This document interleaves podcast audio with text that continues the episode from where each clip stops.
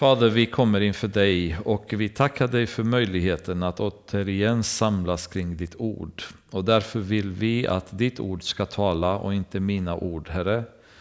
Jag ber att du ska förbereda en väg till varje hjärta som hör det budskapet så att man kan ta till budskapet, låta det slå rot och låta det ge frukt sen på sikt. Fader, jag ber att du ska belysa vägen genom alla verser så att vi får förstå vad du har tänkt Fader när du har lagt de här orden för oss att kunna läsa och kunna ta del av. Jag tackar dig Herre för din nåd, din kärlek som du har haft med oss under veckan som har gått, ditt beskydd. Tack för hälsa, tack för att vi kan vara här ikväll. Att vi mår bra. Tack för att du har sett till våra behov och tillfredsställt de behoven vi har haft, Herre. Jag tackar dig för vår församling och tack för allt som du vill göra med var och en av dem som finns här, Herre. Jag ber, Herre, att du ska använda oss i dina händer efter din vilja, Herre. Låta oss glatt bli använda av dig. Låt ingen av oss göra vårt arbete för dig med tandagnisslan och irritation. Utan låt all vår tjänst vara med glädje och med entusiasm. Och låt inte oss bara känna att vi trycks ner av din börda, för din börda är lätt, Herre. Ditt ok är mild. Låt oss få bara arbeta glatt ute på ditt fält och skörda det som du kallat oss att skörda, Herre. I Jesu namn. Amen. Så, eh, då är det första Moseboken, kapitel 9. Och förra gången så avslutade vi med att eh, floden hade ehm, skapat, kan man säga, en helt ny jord på väldigt många sätt. Och ehm, den jord som fanns när Noa gick in i arken hade förvandlats till något helt annat under det dryga året som han och hans familj och alla djur fanns med i arken. De kom ut och världen såg annorlunda ut. Ehm, och exakt allting som hände där och hur allting ehm, skedde, det finns ju väldigt många vetenskapsmän som tvistar kring. Men det vi vet det är att det såg inte likadant ut. Att det fanns stora naturkataklysmer som hade inträffat under den perioden. Som hade format om jorden, som hade format om jordens atmosfär, vegetation och så vidare. Eh, där det där växthuseffektssituationen som fanns innan floden hade förmodligen försvunnit, vilket har gjort att Eh, kosmiska strålningen har ökat, eh, jordens elektromagnetiska fält hade förändrats, vilket i sin tur kommer nu resultera att, i att människorna kommer leva kortare och kortare och kortare. Och det kommer vi se framöver hur de här långa livstiden blir betydligt kortare allt eftersom genealogierna fortsätter. Så eh, en helt ny jord um, där årstiderna nu hade uppkommit. Ehm, och Noa kommer ut med sin familj, med alla djur, till den här nya jorden. Och en ny struktur, en ny hänvisning behövdes nu från Gud. Därför att det fanns inte det de hade lämnat bakom sig. Och eh, de kommer ut ur arken, åtta människor um, ensamma på hela jorden. Så man kan säga att det blir som en ny, ny början för livet på jorden. Då. Eh, och när man läser igenom kapitel 9 så är ett nytt liv som det är fokus på. Och man skulle kunna dela eh, kapitel 9 mellan vers 1 och vers 17 i fyra olika delar med, med liv som fokus i de delarna. Och vers 1 och vers 7, man kan säga att det har, har att göra med att föröka livet eller att, att bli fruktsamma eller att befolka jorden kan man väl säga. Från vers 2 till vers 4 det handlar om att upprätthålla livet. Saker som behöver göras för att livet ska upprätthållas på jorden. Vers 5 och 6 det handlar om att skydda livet. Och sen vers 8 till 17 det kommer bli mer som att njuta av livet eller att känna sig trygg i livet. Um, och det är lite de fyra segmenten som vi kanske kommer ha i, i tankarna allt eftersom, allt eftersom vi kommer gå igenom kapitel 9. Men vi kan börja läsa och i vers 1 så står det så här. Gud välsignade Noa och hans söner och sade till dem var fruktsamma, föröka er och uppfyll jorden. Och samma sak är ju återupprepad i vers 7. Men var fruktsamma och föröka er, väx till på jorden och föröka er på den. Och det är som vanligt, som vi alltid säger, när Gud säger olika saker flera gånger, det betyder att det är viktigt för oss att ta till oss de grejerna. Och viktigt för Noa och de människor som fanns där. Och det är ju Guds uppmaning nu återigen att befolka jorden.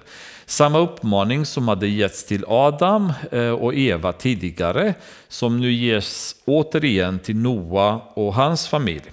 Att befolka jorden, att vara fruktsamma, att, ehm, att sprida sig över hela jorden helt enkelt. Och och det är ju denna nya början som de befinner sig inför nu. Och det intressanta är också om vi tittar här, det är att hur många fruar hade Adam? Vad tror ni? En? Ja. Hur många fruar hade Noa? En. Vad konstigt. Hur ska de befolka jorden när de hade bara en fru? Skulle man tycka.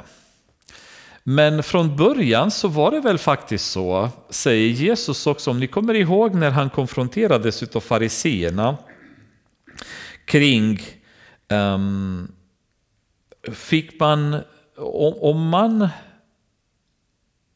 fick man skilja sig om man lämnade skiljebrev till sin, till sin fru.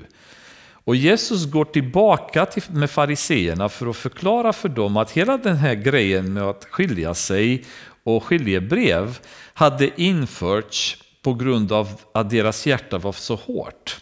Och då tar, tar Jesus dem till skapelsen och säger, för från början så skapade Gud man och kvinna. Och de två skulle inte skiljas åt. Det var aldrig tanken från början att vare sig skulle inträffa skilsmässa i en relation eller att det skulle finnas en bigami eller polygami.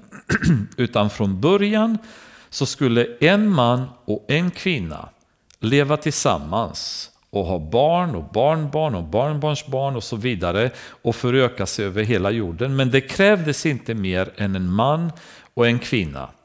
Och vare sig skilsmässan, bigami, polygami eller homosexuella relationer fanns från början.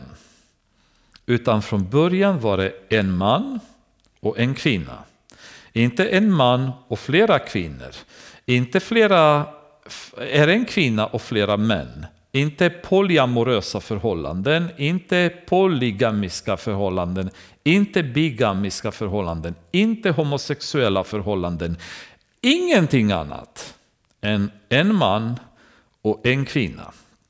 Det var skapelsegrunden, det var konceptet bakom hela skapelsen som Gud hade. Människan sen däremot, allt eftersom perversioner och synd ökade, så började människan leva på olika sätt. Och man skaffade sig flera fruar, man eh, skilde sig från sin fru och eh, det blev till slut att de till och med hittade på olika sätt att skilja sig att om, eh, om en kvinna inte lagade maten så som man hade velat, då kunde man välja att skilja sig från frun och lämna en skilsmässobrev, ett skilsmässobrev till henne och gå till någon annan. Och så vidare. Så allt eftersom mänskligheten hade fortsatt så började människan fördärva den här skapelsetanken som Gud har haft. Och anledningen till att jag vill betona det här, det är att och jag har pratat med flera i församlingen om detta och vi har pratat hemma om detta väldigt mycket. Vi kommer inte kunna förstå saker om vi inte går tillbaka hela tiden till vad var Guds syfte från början. När Gud har skapat en familj, familjekonceptet, vad hade han i tankarna då? Så för att förstå hur vi ska leva idag, vi måste gå hela vägen till skapelseprocessen och se vad tänkte Gud från början? Vad var principen bakom de lagar som man sedan gav till Mose, som israeliterna fick följa? Och så som Jesus sen uppfyllde när han kom, eftersom han kom för att uppfylla lagen, inte för att, för att, så att säga, ta bort lagen. Vilket är också väldigt många av oss kristna har missuppfattat många gånger. Vi tror att han kom för att ta bort lagen. Men han säger ju själv att han kom för att uppfylla lagen. Han kom, det blev klimaxen, det var liksom höjdpunkten av hela Guds lag blev Jesus. Och har vi det i tankarna då förstår vi att Gamla testamentet är oerhört viktigt för oss att förstå Därför att utan Gamla Testamentet så har vi en feluppfattning av Nya Testamentet. Eftersom alla Paulus brev har Gamla Testamentet som grund. Hebreerbrevet har Gamla Testamentet som grund. Petrusbreven har Gamla Testamentet som grund. Johannesbreven har Gamla Testamentet som grund. Och inte minst Uppenbarelseboken har Gamla Testamentet som grund. Så har vi ingen uppfattning, ingen förståelse av vad Gud ville göra i Gamla Testamentet och varför så kommer vi ha svårigheter att tolka Nya Testamentet och det är då vi spårar ur i alla möjliga konstiga läror eller viloläror när vi inte har grunden från början. Och anledningen till att det är väldigt många kristna idag som tolererar homosexuella beteenden, det är att de överhuvudtaget inte ens har gått in i Gamla Testamentet och förstår skapelseprocessen. Var någonstans i skapelsesituationen hittar vi homosexualitet? Finns det ens existerande på den tiden? Har Gud ens nämnt det någon gång positivt eller öppet? Nej, utan från början det fanns en man och en kvinna. Hur svårt kan det vara? Kan man tycka. Och sen när nya början, nya skapelsen börjar kan man säga med Noa och hans familj. Det är fortfarande en man och en fru. Inte ens en man och flera fruar, inte ens en fru och, en fru och flera män. Utan en man och en fru. Inte en man och en man, inte en kvinna och en kvinna. Inga andra konstellationer fanns och existerade utan det var en man och en fru, punkt. Det är inte svårare än så. Men sen människan i, i, sin ständig, i sitt ständiga försök att tvista och böja på Guds ord så hamnar man i andra situationer och andra konstellationer. Och det är viktigt att vi får det här klart därför att allt eftersom vi kommer gå igenom Moseböckerna så kommer vi se hur synden och perversiteten börjar introduceras in i, i Bibeln och hur den kommer från olika håll. Då. Men vi är fortfarande i en operverterad värld när Noa kliver ut ur arken med sin familj och eh, det är så det ser ut.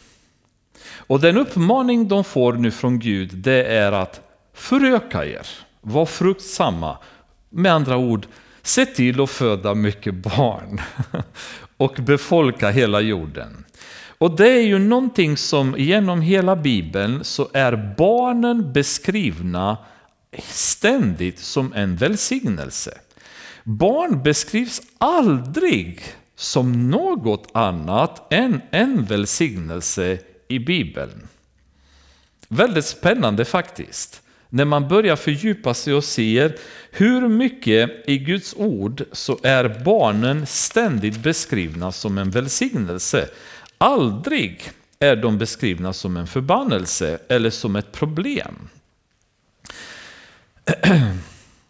Men allt eftersom samhället har blivit mer och mer ogudaktigt, allt eftersom ateismen har tagit mer och mer mark, allt eftersom liberalismen har tagit mer och mer mark, så har dessa i sin tur givit uppkomst till en massa avarter av filosofier och inriktningar i samhället som förr eller senare resulterade i att barnen blev ett problem för samhället. Och idag är vi i en situation i världen där det finns starka rörelser som motarbetar födslotal, som motarbetar befolkningsökning. Eh, den här vackra miljörörelsen som många av kristna har lurats in i, att tro att det är någonting som kommer från Gud, och, men det är Guds planet, Gud vill att vi ska vara snälla mot jorden, han har gett det till oss och så vidare. Det låter vackert. Men var noga på att se vem som driver den här miljörörelsen och vad syftet är med dem. För att ett syfte nu som miljöaktivisterna har, det är att motarbeta barnafödande därför att ju fler människor vi har på jorden, desto mer avgaser kommer vi skapa. Desto mer slitage på planeten kommer vi skapa. Och inte minst Bill Gates som är en känd person utav många har nu under många år drivit Ehm, kampanjer för att motarbeta ehm, natalitet, som man säger, födslotal. Därför att man vill att det ska födas mindre barn på jorden. För har vi för många människor på jorden, då är det planeten som lider. Låter det väldigt vackert från de här människorna. Men ett ännu större problem som har plågat jorden under många år nu under modern tid, det är ju abortfrågan. Aborten har skapat en slakt bland eh, människor helt enkelt, där man slaktar bebisar redan i mammans mage tidigt. I Sverige, enligt Socialstyrelsen, så har vi 30 till 38 000 aborter om året. Med andra ord, vi slaktar små barn. Vi slaktar dessa barn som Gud har sagt kommer vara en välsignelse för oss. Barn som skulle medverka till att jorden ska befolkas. Befolkningen ska öka. Vi ser ner på länder som inte använder sig av aborter. Och vi tycker att de är primitiva, att de inte fattar bättre. Eh, länder som afrikanska länder till exempel, asiatiska länder med väldigt hög barnafödande. Vi tycker att de är ju helt ute och cyklar, att de inte har begripit hur bra det är att använda sig av aborter. År 2019, enligt EU-statistik, fyra utav EUs länder stod för 622 480 kända aborter. Och det var Tyskland, Frankrike, Spanien och England. Fyra länder stod för 622 480 mördade barn. När Gud från början har sagt föröka er, befolka världen. Om man räknar alla döda i alla krig som USA har gått igenom sedan 1700-talet, 1760 var det de hade sin befrielsekrig, eller 1796? 96? Ja. Räknar man alla krig då sedan 1796 till modern, modern tid där vi befinner oss idag så har amerikanerna förlorat ungefär 1,2 miljoner människor i krig.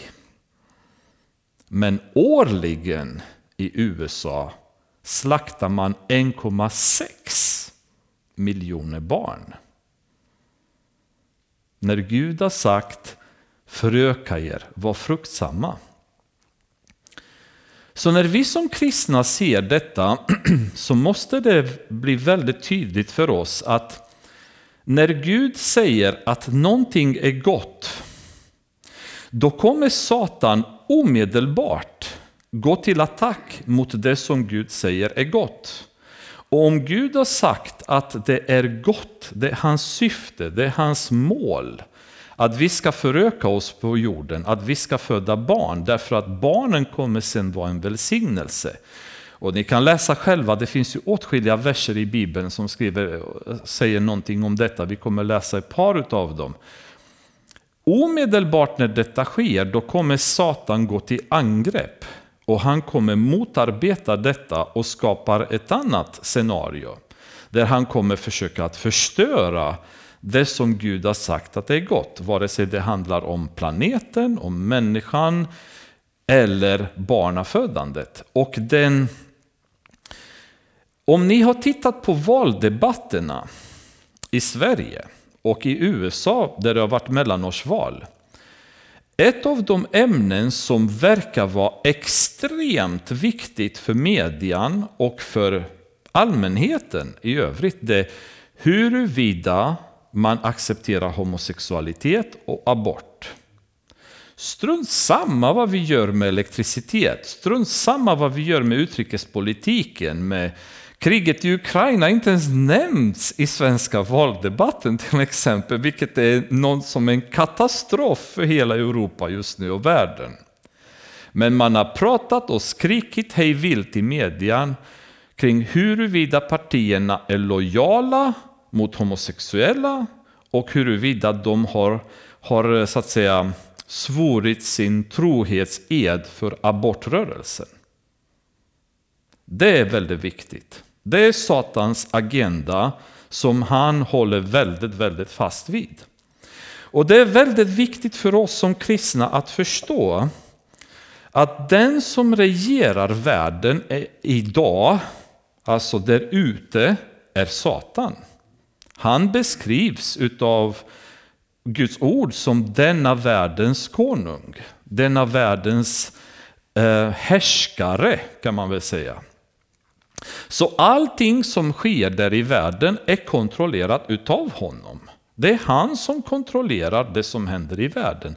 Det betyder inte att Gud inte har kontroll över allt. Men, men han är den som styr världen. Världen följer honom, världen följer inte Gud. Så när världen drar igång trender, eh, nya teorier, nya filosofier. Tro inte för en sekund att de här kommer från Gud. För att världen lyder Satan. Det är vi inom församlingen som försöker i alla fall efter bästa förmåga att lyda Gud. Vi bör i alla fall göra det. Men världen lyder Satan. Och det som världen driver fram, det kommer inte från Gud. Och att församlingen i sig tar de här ämnena och anammar dem och börjar använda sig av dem som normala i församlingen är rent av skrämmande. Och det finns väldigt många kyrkor numera som anser att aborterna är okej. Okay, för att de tycker så synd om kvinnorna. Men från början, vad var Guds syfte med världen, med mänskligheten? att vi ska föröka oss, att vi ska vara fruktsamma. Psalm 127, om vi läser vers 3 och 5.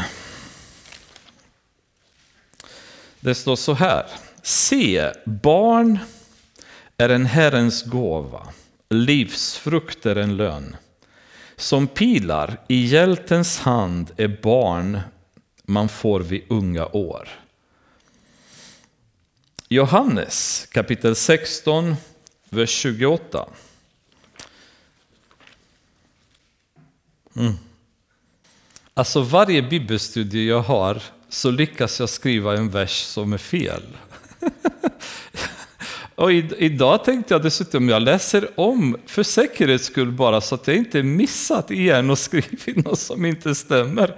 Men jag lyckades ändå med det. Så det kan ni glömma eftersom det inte stämmer. Det fanns en vers någonstans i Johannes som jag ville läsa. Men uh, vi skippar det så länge då i så fall. Be om ursäkt för det. Men eh, det verkar vara tradition att vid varje bibelstudium så lyckas jag skriva någon vers som blir fel. Men hur som helst, barnen är en välsignelse för oss. Barnen är en välsignelse för en församling, för ett samhälle, för världen i övrigt. Och Gud har menat detta från början. Och han välsignar också oss när vi ser familjen som någonting som är viktigt för oss. Och det är, ju, det är ju bra församlingar som har starka familjer, samhällen som har starka familjer. Ehm, är välsignade utav Gud. Så det är bra att, eh, att lyda den, det budet. Var fruktsamma, föröka er och uppfyll jorden. Fruktan och skräck för er ska komma över alla djur på jorden och alla fåglar under himlen, över allt som krälar på marken och över alla fiskar i havet. De är givna i er hand. Allt som rör sig och lever ska ni ha till föda, så som jag gett er. De gröna örterna ger jag er nu allt detta. Men kött som har kvar sitt liv, nämligen sitt blod, ska ni inte äta.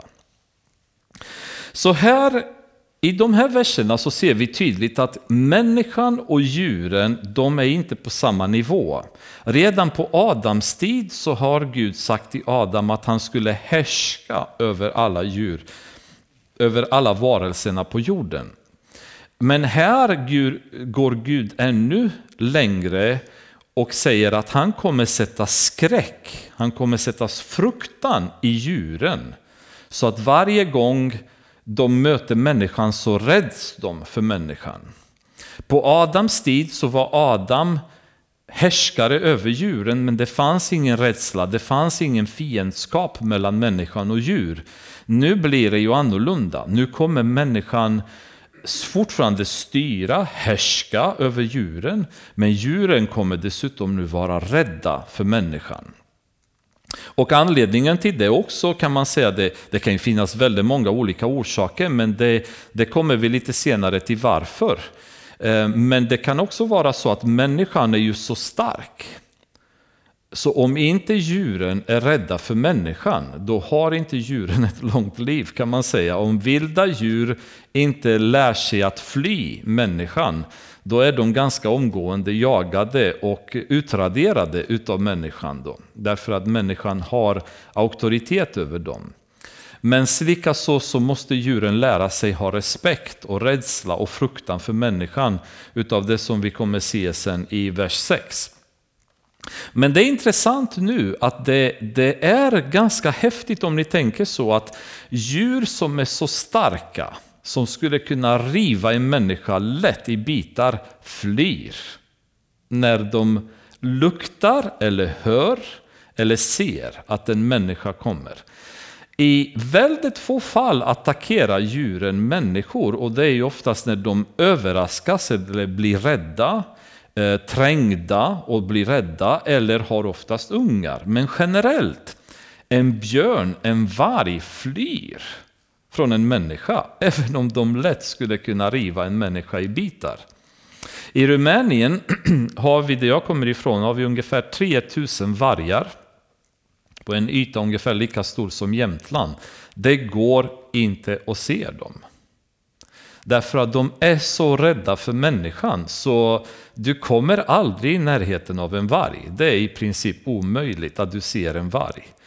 Björn fanns det i mängder i de områdena där jag bodde och vi var jämt uppe i bergen, vi plockade bär, vi plockade svamp, vi hittade spillning så det ångade ur den. Men vi såg aldrig björnen. De är så rädda för människan. Så, så fort de hörde människan, luktade att människor fanns, då stack de. Och det är ganska häftigt att kunna förstå att Gud har satt det här i generna på dem. Jag lyssnade på en som berättade bland annat om noshörningar som är livrädda för människor. Så en noshörning kommer alltid vända på klacken och sticka iväg i princip när de ser en människa. När de inte gör det det är om de återigen uppfattar dig som ett hot, de har kanske en unge eller befinner sig i en situation där de upplever att de är trängda, då går de till anfall. Men annars, en noshörning skulle alltid fly när de ser en människa. Och den är som en pansarvagn då, som kunde lätt kunna bara rulla över en människa och döda en men det sitter i dem. Faktum är att de säger att även hajar sällan attackerar människor och när de gör det, det är för att de tar eh, ett fel på människan. Att det sitter en surfare på en surfbräda och de förstår inte att det är en människa utan de kan tro att det är en säl eller något annat djur och så vidare. Men att generellt, en haj attackerar inte människan normalt då. Fast möjligheterna skulle finnas. Så Gud har satt den rädslan, den fruktan, den skräcken i havsdjuren, i kräldjuren, i landdjuren och vet att människan får du inte attackera. Man får inte det. De vet ju det, Gud har sagt det till dem, att det går inte, det får de inte. Och likaså nu, för första gången så säger Gud till människan att nu är det okej okay att äta kött. Så det finns också inom kristna församlingar sådana som tror att om du är vegetarian eller vegan så lever du egentligen ett liv närmare Gud genom att du inte äter kött. För att initialt, när Gud har skapat människan, Adam och Eva, så var de vegetarianer. Och det var de. Men nu säger Gud i vers 3, allt som rör sig och lever ska ni ha till föda. Så som jag gett er de gröna örterna, det vill säga tidigare när han sa att ni ska äta alla dessa gröna örter.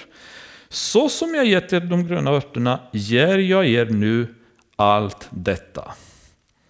Så var folk har fått för sig att du blir mer helig om du är vegetarian eller vegan vet jag inte, men det är inte från Bibeln i alla fall. Det kan vi vara säkra på.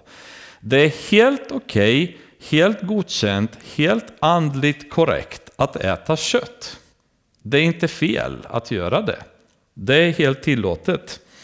Ehm, men jag tror att folk ibland går till olika extrema tolkningar.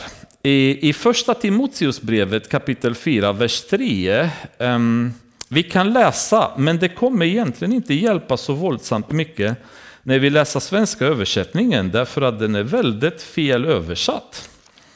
Men vi kan läsa det bara så att ni förstår sammanhanget. Eh, för att i grekiska översättningen, om man går, så ser man exakt vad Paulus pratar om. Första Timoteus kapitel 4, vers 3. Vi kan läsa från vers 1, för han pratar om lite sista tiderna, vad som kommer hända. Och då står det så här, men anden säger tydligt att i de sista tiderna kommer några att avfalla från tron och följa villoandar och onda andars läror, förledda av hycklande lögnare som är brännmärkta i sina samveten. De förbjuder folk att gifta sig och befaller dem att avstå från mat som Gud har skapat för att tas emot med tacksägelse av dem som tror och känner sanningen. Ordet mat, som översätts på svenska här, i engelska översättningarna så står det kött. Och på grekiska så är eh, ordet som används är bromma.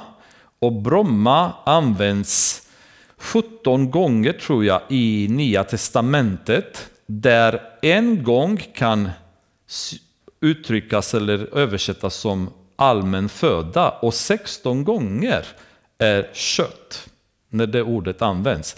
Så det Paulus egentligen skriver här att de kommer lära folk att inte äta kött. Ehm, och han, han säger att i sista tiderna så kommer dessa trender. Och det är intressant hur vegetarianismen och veganismen har blivit nästan som religioner idag, eller hur? Det är en väldig tjafs om det här hela tiden i samhället. Bråk i skolorna kring mat numera. De försöker att få barnen att äta vegetariskt då, därför att korna är så farliga, för när de fiser så förstör vi planeten igen. Då. Den här miljöextremismen som är så ogudaktig i sitt, sitt beteende och sin tolkning. Det är liksom, man får inte ihop det. Och det är så galet, så vanliga sundförnuftiga människor känner direkt att det här är något som inte stämmer.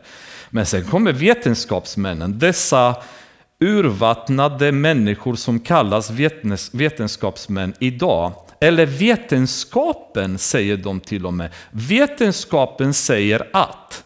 Och där är min första fråga, vilken vetenskap? Vem pratar vi om? Vem har sagt det? Därför att de står alltid politikerna i tvn och pratar om att vetenskapen säger att vilken vetenskap? För jag har massa böcker, eller jag har lyssnat på massa avhandlingar av människor som inte säger att det är så. Men de säger att vetenskapen säger det på samma sätt som att vetenskapen säger att vi kommer från apor. Och det är ju i, i våra tider väldigt mycket det här. Så varenda gång ni ser världen starta trender, glöm inte att ställa er frågan, vem styr världen? Hela tiden måste ni ställa er den här frågan, vem styr världen? Är det heliganden som styr världen? Eller är det Satan? Vem följer världen? Följer de Jesus? Följer de heliga anden? Följer de Bibeln? Eller följer de Satan? För redan när ni ställer er den här frågan, då börjar vi titta med andra ögon på det som tidningarna skriver, som nyheterna rapporterar och tvn försöker att mata oss med. Och när, när plötsligt vegetarianism och veganism har kommit på tapeten och det är sådana kampanjer emot det, så tänker jag första Timoteusbrevet kapitel 4, vers 3. I sista tiderna kommer att komma människor som är korrupta i sina läror och kommer undervisa människor att inte gifta sig och inte äta kött. Undra varför Paulus har skrivit det. Kan det vara så för att det är så i sista tiderna? Att man undervisar människor att inte gifta sig samboförhållanden. Ni behöver inte gifta er längre. Och förresten så ska ni vara vegetarianer, för annars hatar ni jorden. Ni bryr er inte om planeten. Så Satan tar någonting och så vrider han det för att få det till något annat än det som Guds ord egentligen initialt har sagt. Men Gud visste att detta skulle ske, därför finns det sådana verser i ordet som om vi bemödar oss att läsa och förstå, då slipper vi sitta förvirrade och undra hur ska vi leva som kristna i den här världen? Jo, då kan jag gå hem och grilla en kotlett med alldeles gott samvete och inte ha några som helst problem med det. Därför att här säger Gud, det är okej okay att äta allt detta som rör sig. Däremot så står det i vers 4, men kött som har kvar sitt liv, nämligen sitt blod, ska ni inte äta. Och här blir det lite svårare. För att om vi tror på det andra så måste vi tro på detta också, eller hur? Det står ju i Bibeln att det är så. Men här är ju lite djupare när vi kommer till kött som innehåller blod. Anledningen till att det här budet finns, det är därför att i blodet så fanns det livet. Det fanns själen. Och av den anledningen så vill inte Gud att man skulle ätit kött som innehåller blod. Om vi går till tredje Moseboken kapitel 17 så blir det mycket mer utvecklat. Egentligen alla de här um, ceremoniella lagarna som finns i tredje Moseboken och sen femte Moseboken kan ni gärna gå igenom och sen börja jobba med Hebreerbrevet, med Nya Testamentet för att få lite förståelse och inte minst vad Jesus hade sagt. Men i tredje Moseboken 17, vers 10-11, nu ska vi se om jag skrivit rätt denna gång. Och om någon av Israels hus eller av främlingarna som bor bland dem förtär något blod ska jag vända mitt ansikte mot dem som äter blodet och utrota honom ur hans folk. För kroppens liv är i blodet och jag har gett er det för altaret. Här kommer det. Jag har gett er det för altaret för att bringa försoning för era själar. Det är blodet som bringar försoning genom själen som är i det. Anledningen till att Gud förbjöd att man åt kött med blod därför att blodet skulle enbart utgjutas på altaret i offersituationer eh, när man offrade till Gud. Därför att offret och blodet på altaret Kommer ni ihåg återigen, vad var lagen? Lagen var en skugga av det som skulle komma, det vill säga Jesus. Så allt detta var som en symbol för det som Jesus skulle komma. Av den anledningen skulle man inte under några omständigheter äta blod därför att det hade inneburit en, att man hade förgripit sig på Jesu offer. Därför var Gud så extremt noga. Det ska utrotas bland er, de som äter blodet. Väldigt, väldigt allvarligt att ha gjort det. Detta också sen betonas vidare i Apostlagärningarna kapitel 15. Kommer ni ihåg när de tvistade kring huruvida de nyfrälsta eh, som hade kommit från hedningarna skulle följa lagen och skulle bli omskurna eller inte? Det blev ju en tvistefråga där i församlingen, i tidiga församlingen. Då samlades det alla till en konselj i Jerusalem och kom fram till ett beslut där enligt kapitel 15, vers 20 så, de, så skulle de avstå från blod eh, och sen omoraliskt beteende och så vidare. Så även kristna som hade kommit till tron i det tidiga stadiet, då hade apostlarna kommit överens om att det är bra om de avstår från omoral och avstår från att äta blod. Och den här frågan har sen fortsatt genom kyrkliga så att säga, eh, historia.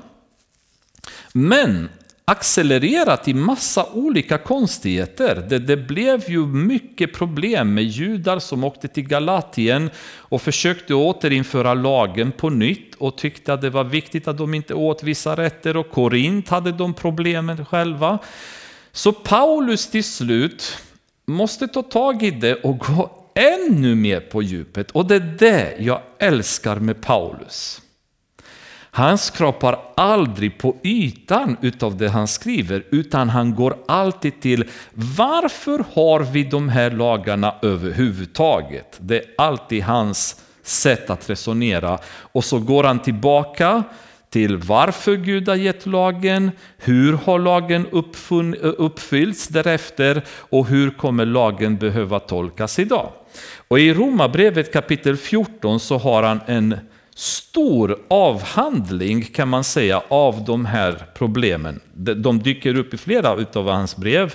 Men jag tycker att Romarbrevet kapitel 14 är Paulus avhandling kring vad man får äta och vilka dagar man får ha eh, som eh, viktiga dagar eller oviktiga dagar eller hur man vill tolka dem.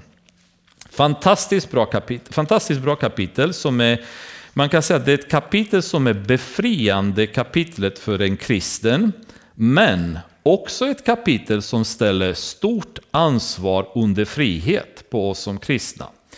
Men gällande de här frågorna i vers 1-3 då säger Paulus så här. Den som är svag i tron ska ni ta emot utan att döma över hans betänkligheter. Den ene har tro till att äta allt Den andra är svag och äter bara grönsaker. Den som äter ska inte förakta den som inte äter. Och den som inte äter ska inte döma den som äter. Gud har ju tagit emot honom. Så Paulus säger här, det finns faktiskt sådana som är vegetarianer. Och ni som har gått ifrån det här, som är starka i er tro och ni kan äta precis vad ni vill, ni äter kött och så vidare. Ni ska inte döma den som är svag i tron och för att på något sätt skydda sig i sin tro inte tillåter sig friheten att äta kött eller äta det ni själva äter, också mat som hade använts som avgudadyrkas, offermat och så vidare. Men ni som är starka i tron, ni kan göra det. Döm dock inte de som inte kan och de får inte döma er för att ni kan göra detta. Eh, det, och det går jättemycket genom hela kapitlet, men sen kommer vi till vers 17 där han säger så här, Guds rike är inte mat och dryck, utan rättfärdighet och frid och glädje i den heliga anden. Så han går nu och flyttar fokus från ceremoniella lagen till det som lagen de facto handlar om. Det som Jakob säger att den riktiga religionen är att söka änkan och den föräldralöse. Det är inte att hålla sig till massa får och får inte, utan det är ju det som är lagen, det är det Guds lag handlar om. Och Paulus säger Guds rike handlar inte om mat och dryck, utan det handlar om rättfärdighet och frid och glädje i den heliga Ande, det vill säga en djup relation med Gud. Det är det det handlar om, inte vad ni dricker och vad ni äter och var ni sover någonstans och så vidare. Det är det här det handlar om. Och sen i vers 20 så säger han så här, riv inte ner Guds verk på grund av mat. Allt är visserligen rent. Här är ju ganska så starkt. Allt är rent. Men maten blir till skada för den människa som har betänkligheter när hon äter. Det vill säga om du tror att någonting inte ska ätas och du äter det, då syndar du. Därför att din övertygelse säger till dig att du inte ska äta det och du bryter mot det. Men om du känner frihet, om du förstår att allting är rent, om du förstår vad Jesus säger att det är den det är det som kommer ur människan som är orent och inte den som kommer in i människan. Om vi har kommit till den relationen med Gud, där vi passerar de här gör och gör inte, utan vi har förstått djupet av vad Gud vill från oss. Relationen med oss, det rena hjärtat, rättfärdigheten, ärligheten, glädjen, genuina tankarna som vi har för honom och där vi förstår honom, då är vi förbi detta. Då har vi passerat detta. För att i Jesus nu har vi en frihet som vi inte kunde haft innan honom. Så vi kan leva på ett helt annat sätt. Så jag vill inte fördjupa mig mer i det här med blod och inte blod, men bara så att vi inte passera bara flyttigt förbi och känna bara att vi lämnar, lämnar det hängande i luften. För jag tycker tyvärr att det är väldigt många som har gjort det. Jag har läst väldigt mycket kommentarer kring första Moseboken och väldigt många undviker frågan. De bara tjopp flyger förbi och låtsas som att versen inte finns. Men den finns ju där, det måste vi få klart för oss. Hur är det för oss idag? Och då skulle jag nog säga så här att om någon utav er någon gång känner att för säkerhets skull så vill jag avstå från blod så gör ni rätt i att inte ta blod och inte äta blod. Bättre var ett steg längre för försiktighetens skull än riskera att göra någonting som kan vara synd för er. Så det är inte fel som kristen och, och var extra noga i ens relation med Gud. Men var försiktig så ni inte hamnar i det som Paulus vill få de kristna ifrån, så att ni hamnar i en religiös fariseiskt tänkande där ni håller er till dittan och dattan, men ni glömmer bort vad relationen med Gud handlar om. Rättfärdigheten, ärligheten, friheten, ödmjukheten, tålamodet och så vidare och ni blir en slags bitter kristen som börjar peka fingrar åt alla andra och så har ni pajat relationen med Gud. Men om ni kan leva i den friheten med Gud och också ha regler för era liv som ni känner att jag mår bra utav det här. Jag väljer till exempel att inte dricka alkohol. Även i Bibeln så finns det ingenstans att jag inte får göra det. Men jag har valt för, mitt egen, för min egen skull att inte sätta sprit i min mun. Och den ett, en, om jag skulle nog gå och dricka sprit, jag skulle må dåligt utav det. Inte för att det är en synd i Bibeln, utan därför att mitt samvete säger till mig att jag inte ska dricka sprit. Och likaså kan någon annan känna kring kött, och kan någon annan känna kring blod, och kan någon annan känna kring sabbat och så vidare. Och det, det får vi vara fria. Paulus säger Romarbrevet 14, Döm inte varandra hur ni än lever, utan förstå att det finns en annan som dömer dem. Vi är bara anställda i Guds verk, vi får inte döma varandra. Däremot så går han vidare sen och säger om våra friheter orsakar någon av våra bröder att falla, då måste vi ge upp våra friheter. Så om jag sitter hemma och grillar blodkorv hela dagarna och, och äter med ägg på morgonen och steker och kommer få en broder hos mig som är kanske en messianisk jude till exempel som inte äter blod. Eller en eh, annan i församlingen som är övertygad att man inte ska äta blod. Då bör jag låta blodkorven ligga i frysen den dagen och äta kycklingkorv eller vi äter något annat för min broders skull. Och det är det Paulus pratar om hela Romarbrevet 14. Det är så fantastiskt kapitel där han först säger jag kan göra vad jag vill i Jesus. Men sen i andra delen av kapiteln så börjar han säga men jag väljer att inte göra det för mina bröders skull. Därför att jag vill hellre att de ska ha en bra relation med Gud än att jag ska leva ut mina friheter. Och det är det vi behöver tänka kring drickande, kring ätande, kring rökande, kring allt annat som vi kanske vill tillåta oss att göra i denna moderna värld där kristna nu ska leva som alla andra gör. Tänk på att det finns ett samhälle som vi behöver vittna för. Tänk att vi har grannar som vi behöver vara ett exempel för, arbetskamrater, släktingar. Och då behöver vi kanske tänka på det. Eller någon i församlingen som kanske har ett problem i ens liv och de ser mig missbruka som de kan se från deras håll så tycker de att det är också okej okay att göra det. Så det är en fara med det, men det krävs vishet, säger Paulus i Romarbrevet 14, utan att gå djupare än så. Men kött som har kvar sitt liv, nämligen sitt blod, ska ni inte äta. Och för ert eget blod, alltså ert liv, ska jag kräva räk räkenskap. Jag ska utkräva det av alla djur och likaså av människorna. Av var och en som dödar sin broder ska jag utkräva den människans liv. Den som spiller människoblod, hans blod ska utgjutas av människor. Varför? För Gud har gjort människan till sin avbild. Oh.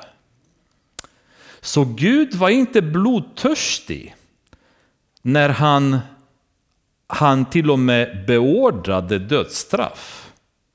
Anledningen till att detta beordrades var på grund av att skydda människan från att mördas därför att människan är skapad i Guds egen avbild. Och även ett djur som dödar en människa kommer Gud döda på grund av att den har dödat en som är skapad i sin egen avbild.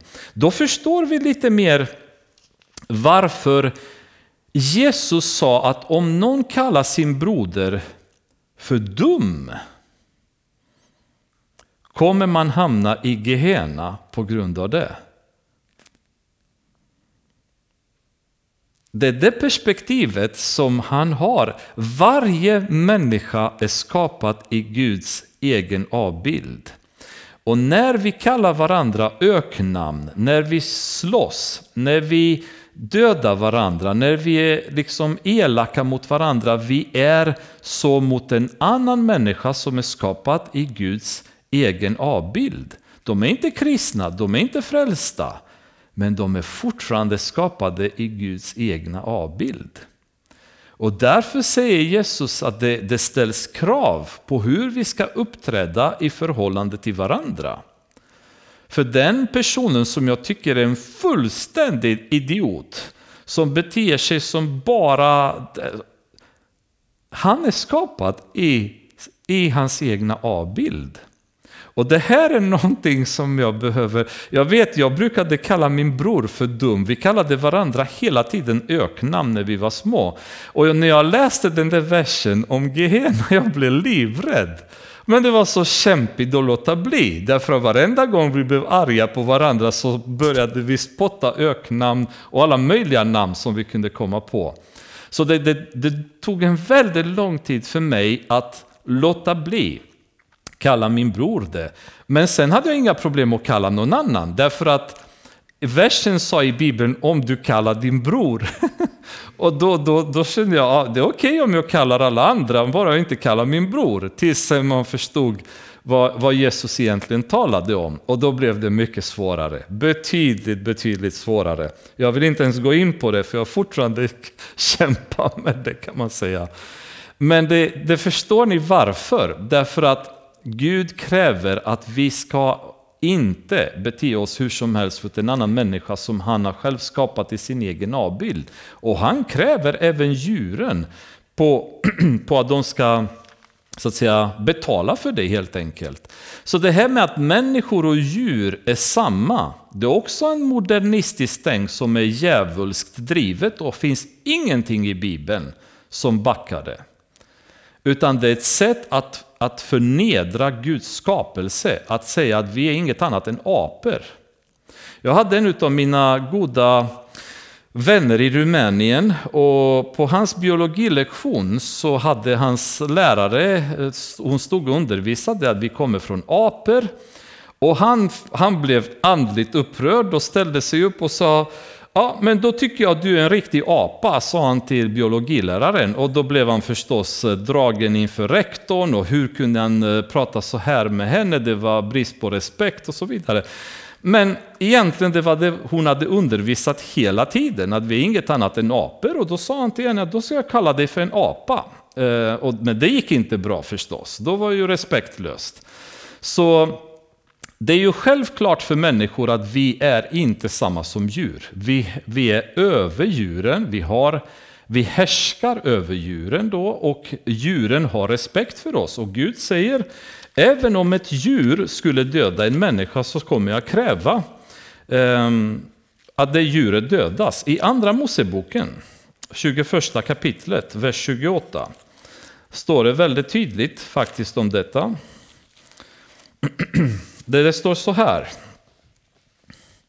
Om en oxe stångar någon till döds, man eller kvinna ska oxen stenas och köttet får inte ätas. Så inte ens köttet fick de äta om oxen hade stångat en annan människa till döds. Och oxen skulle dödas omedelbart. Och eh, det här kan man säga är ett tydligt bevis på att Gud upprättade helt enkelt dödsstraff. Där det finns situationer där människor måste betala med sitt liv för det de har gjort. Det betyder inte att det inte finns förlåtelse, det betyder inte att det inte finns upprättelse moraliskt eller själsligt. Men det finns ett pris, säger Gud, för att du dödar en annan människa som du behöver betala. Det priset dock kommer betalas utav en regering, som man säger i Romarbrevet, när Paulus pratar om att Gud hade tillåtit överheten som ska bära svärdet för att skippa rättvisa. Så här pratas det inte om hämnd, att jag ska hämnas på någon annan, utan att de som Gud har tillåtit så att säga att vara ledare, att vara styra, domare, regeringstjänstemän och så vidare, de kan upprätta lagar för att integrera de här straffen i systemet. Måste alla människor som har dödat en annan människa dö? Nej, inte, inte alltid. I Bibeln har vi David till exempel som medverkade till att Uria dog. Ehm, men han dog inte det. Eh, på grund av det. Och Gud förlät honom. Han var väldigt ångerfull för det han hade gjort. Däremot så sa Gud till David, men svärdet kommer aldrig tas bort från din familj. Så mycket dödsfall, mycket stridigheter, mycket inbördeskrig inom familjen um, fortsatte så att säga genom generationerna på grund av det David hade gjort. Men han kom undan. Men svärdet var kvar och gav resultat sen på ett sätt som inte David hade kanske velat. Jesus säger ju själv alla som tar till svärd ska dödas med svärd i Matteus evangeliet 26 kapitel vers 52. När Petrus försöker att försvara honom. Alla som tar till svärd ska dödas med svärd. Tar du till våld mot en annan människa, dödar du en annan människa, då kommer du dödas också. Det finns en stor risk. Och det är faktiskt ganska intressant att de människor som är mest emot dödsstraff idag, det vill säga liberala humanister, samma människor är väldigt pro-abort. Tycker inte ni att det är lite konstigt? Att de är väldigt upprörda när en mördare som har slaktat en familj eller mördat någon annan människa kommer få dödsstraff i USA eller Kina eller de länder som fortfarande har dödsstraff. Men samma människor tycker att det är helt okej okay att miljontals barn mördas varje år. Återigen, tänk noga på när ni ser sånt, vem är det som styr? Vem är det som vänder upp och ner på Guds lag där det är okej okay att döda barn som är helt oskyldiga, men bevare dig om du ska avrätta en mördare som har slaktat och förgjort människor runt omkring sig. Det är inte okej, okay, säger de, men det är helt okej okay att mörda barn. Och Gud säger, den som dödar en annan människa ska jag utkräva hans blod på grund av det. Så det är instaureringen av dödsstraff kan man väl säga här i Noa. Och man kan tycka vad man vill om det, man kan tycka det är okej, okay, man kan tycka det är inte okej. Okay. I Sverige tycker alla det är inte okej, okay, för vi säger vi har gått förbi det här. Personligen har jag inga problem med det. Därför att jag tycker att det finns situationer när en människa har förlorat sin rätt att fortsätta att leva. Eh, och enligt Bibeln så är den fullt möjligt. Det betyder inte att den människan inte kan bli förlåten. Den människan kan till och med bli frälst. Men det finns fortfarande ett pris för synd. Och det är samma i våra liv. Det finns situationer då Gud förlåter vår synd, men vi lever med konsekvenserna av vår synd. Av det som vi har begått. Vi måste fortfarande dras med de konsekvenser. Många som lever i splittrade familjer därför att de har valt att skilja sig. Och Gud har sagt att man ska inte göra det. Gud hatar skilsmässa, står det i Malaki. En del har gjort det. Och det finns förlåtelse. Men konsekvenserna finns kvar. De problem som orsakas finns kvar. Eh, alkoholism, kristna som dricker. Gud förlåter en när man ångrar sina synder, men konsekvenserna finns kvar. Jag kanske kommer hem och får levercirros på köpet. Och det kommer jag dö av. Men jag är förlåten, jag är fortfarande frälst. Gud kommer inte skicka mig till helvetet på grund av att jag har druckit. Men min kropp är förgjort på grund av drickandet. Och mycket, mycket därtill. Så konsekvensen av synd existerar, men förlåtelse finns. Även om man har mördat en annan människa eller orsakat mycket problem. Och vi ser åtskilliga sådana problem i Bibeln då Gud förlåter upp till så många generationer, så tusende generationer så är Gud ändå förlåtande. Men konsekvenserna finns kvar.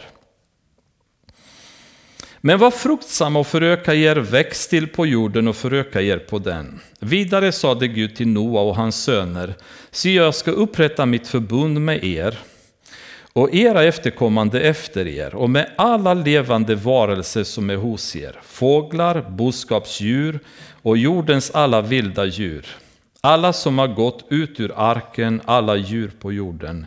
Jag ska upprätta mitt förbund med er. Aldrig mer ska allt liv utrotas genom flodens vatten. Aldrig mer ska en flod komma och fördärva jorden. Och Gud sade, detta är tecknet på det förbund som jag för allt framtid sluter med er och med alla levande varelser hos er. Min båge sätter jag i skyn och den ska vara tecknet på förbundet mellan mig och jorden.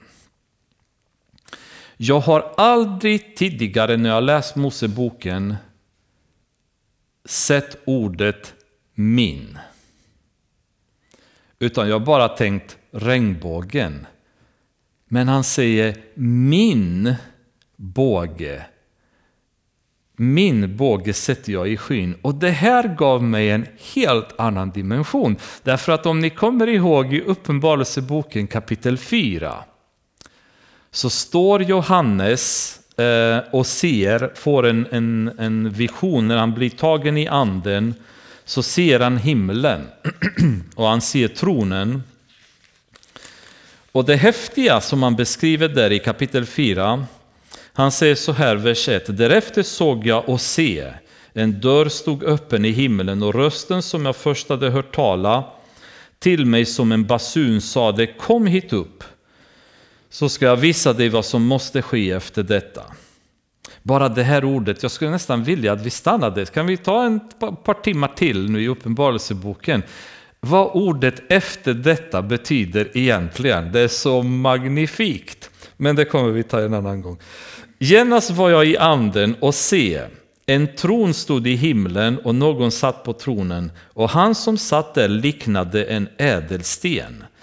Och det är också lite häftigt, han som satt liknande en ädelsten. Vilken syn! Vilken syn! Som jaspis och karneol. Och runt omkring tronen fanns en regnbåge som liknande smaragd. Min båge. Bågen som finns runt Guds tron ser vi varje gång det kommer på himlen efter regn.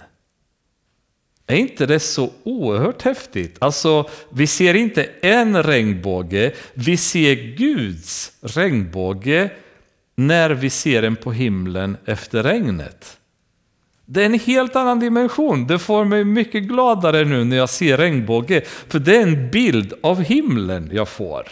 Det är inte bara en regnbåge, det är Guds egna regnbåge som är runt omkring Guds tron som jag ser nu på himlen. Och det, det är det förbundet som Gud gör med Noa och ser varenda gång när jag låter moln stiga upp över jorden och bågen syns i skyn ska jag tänka på mitt förbund, det som har slutit mellan mig och er och alla levande varelser, allt liv och vattnet ska inte mer bli en flod som utplånar allt liv.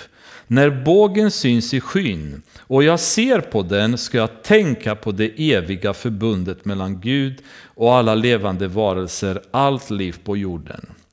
Gud säger, när regnbågen syns ska jag, ska jag tänka på er, på människan.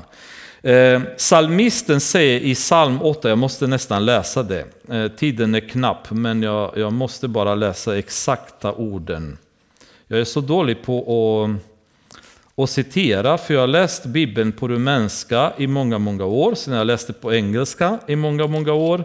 Så jag kan citera dem på två språk och nu måste jag lära mig citera dem på svenska. Det blir svårt. Kapitel 8, vers 4-5. Det står så här. När jag ser din himmel, dina fingrars verk, månen och stjärnorna som du har skapat. Vad är då människa att du tänker på henne, en människoson att du tar hand om honom? Och Gud säger, jo, jag ska tala om för er.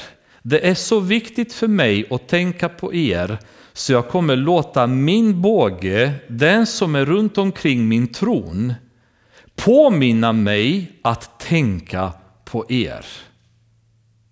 Det är så häftigt.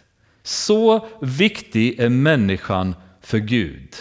Och inte bara det, men han säger att tänker på alla levande varelser och allt liv på jorden så viktigt förbund skrev Gud nu med Noa, som man säger det här ska jag alltid tänka på när regnbågen kommer, min regnbåge. Och Gud sade till Noa, detta är tecknet på det förbund som jag har upprättat mellan mig och allt liv på jorden. Så hela, hela biten kan man säga från vers 8 till vers 17, det, det enda Gud gör det är att han upprepar gång på gång på gång hur viktigt det kommer bli för honom att tänka på allt liv på jorden. Och det här är förbundet som man gör med Noa. Vi stannar här, för eh, sen när vi kommer till vers 18 då hör det nästan mer till kapitel 10 och så går vi igenom de övriga verserna. Men eh, ta med er detta och eh, om ni glömmer allt som vi har pratat om idag, glöm inte en sak. Så fort någonting händer, ställ er frågan, vem ligger bakom? Vem är som styr världen och varför kommer grejer som de kommer? Så kommer ni börja förstå mer och mer vikten av att gå till Bibeln och söka. Vad var det Gud sa? Vad var det han hade i tankarna? Vad var det för planer han hade med oss människor? Hur ska vi tolka då det som händer i världen visar vi hans vilja och hans ord? Så blir det lite enklare att sila mellan allt skräp som vi matas med dagligen från alla möjliga håll. Fader, jag tackar dig i Jesu namn. Tack för alla människor som har varit här ikväll och lyssnat. Välsigna dem, Herre, rikligt. Rikligt efter din vilja och efter din nåd, Fader. Det är underbart att de orkar och de kämpar igenom allt, Herre. Och jag, jag bara ber att du ska välsigna dem så att de bara njuter i de välsignelser de får från dig, Herre. För du kan välsigna så vi bara häpnar när du överöser med, med bara godsaker i våra liv. Jag ber Herre att du ska stärka oss i rättfärdighet, i glädje, i tålamod och frid. Så att vi efterliknar dina barn mer och mer.